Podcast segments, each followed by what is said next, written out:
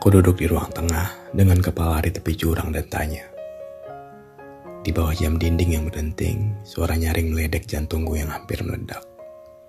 Kesal, marah, dan yang paling sial adalah aku tidak tahu sebabnya apa. Dengan pikiran paling dungu aku menunggu. Dan yang paling sial adalah aku tahu yang kutunggu.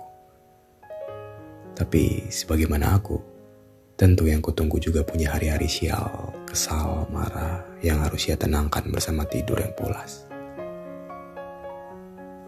Lampu ruang tengah sengaja aku padamkan. Bahkan dengan bayanganku sendiri aku tak ingin berbagi. Aku dan kesepian kini mulai akrab. Lagi.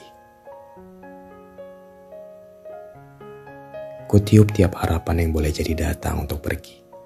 Aku tahu bahwa hidup tidak dikemas adil, sehingga aku tidak berharap bahagia untuk perayaan kali ini. Dan tentu, terima kasih yang paling ikhlas untuk manusia-manusia baik yang selalu mencintai aku tanpa tapi. Dan Tuhan, aku terima umur dan kesempatan yang telah Engkau berikan.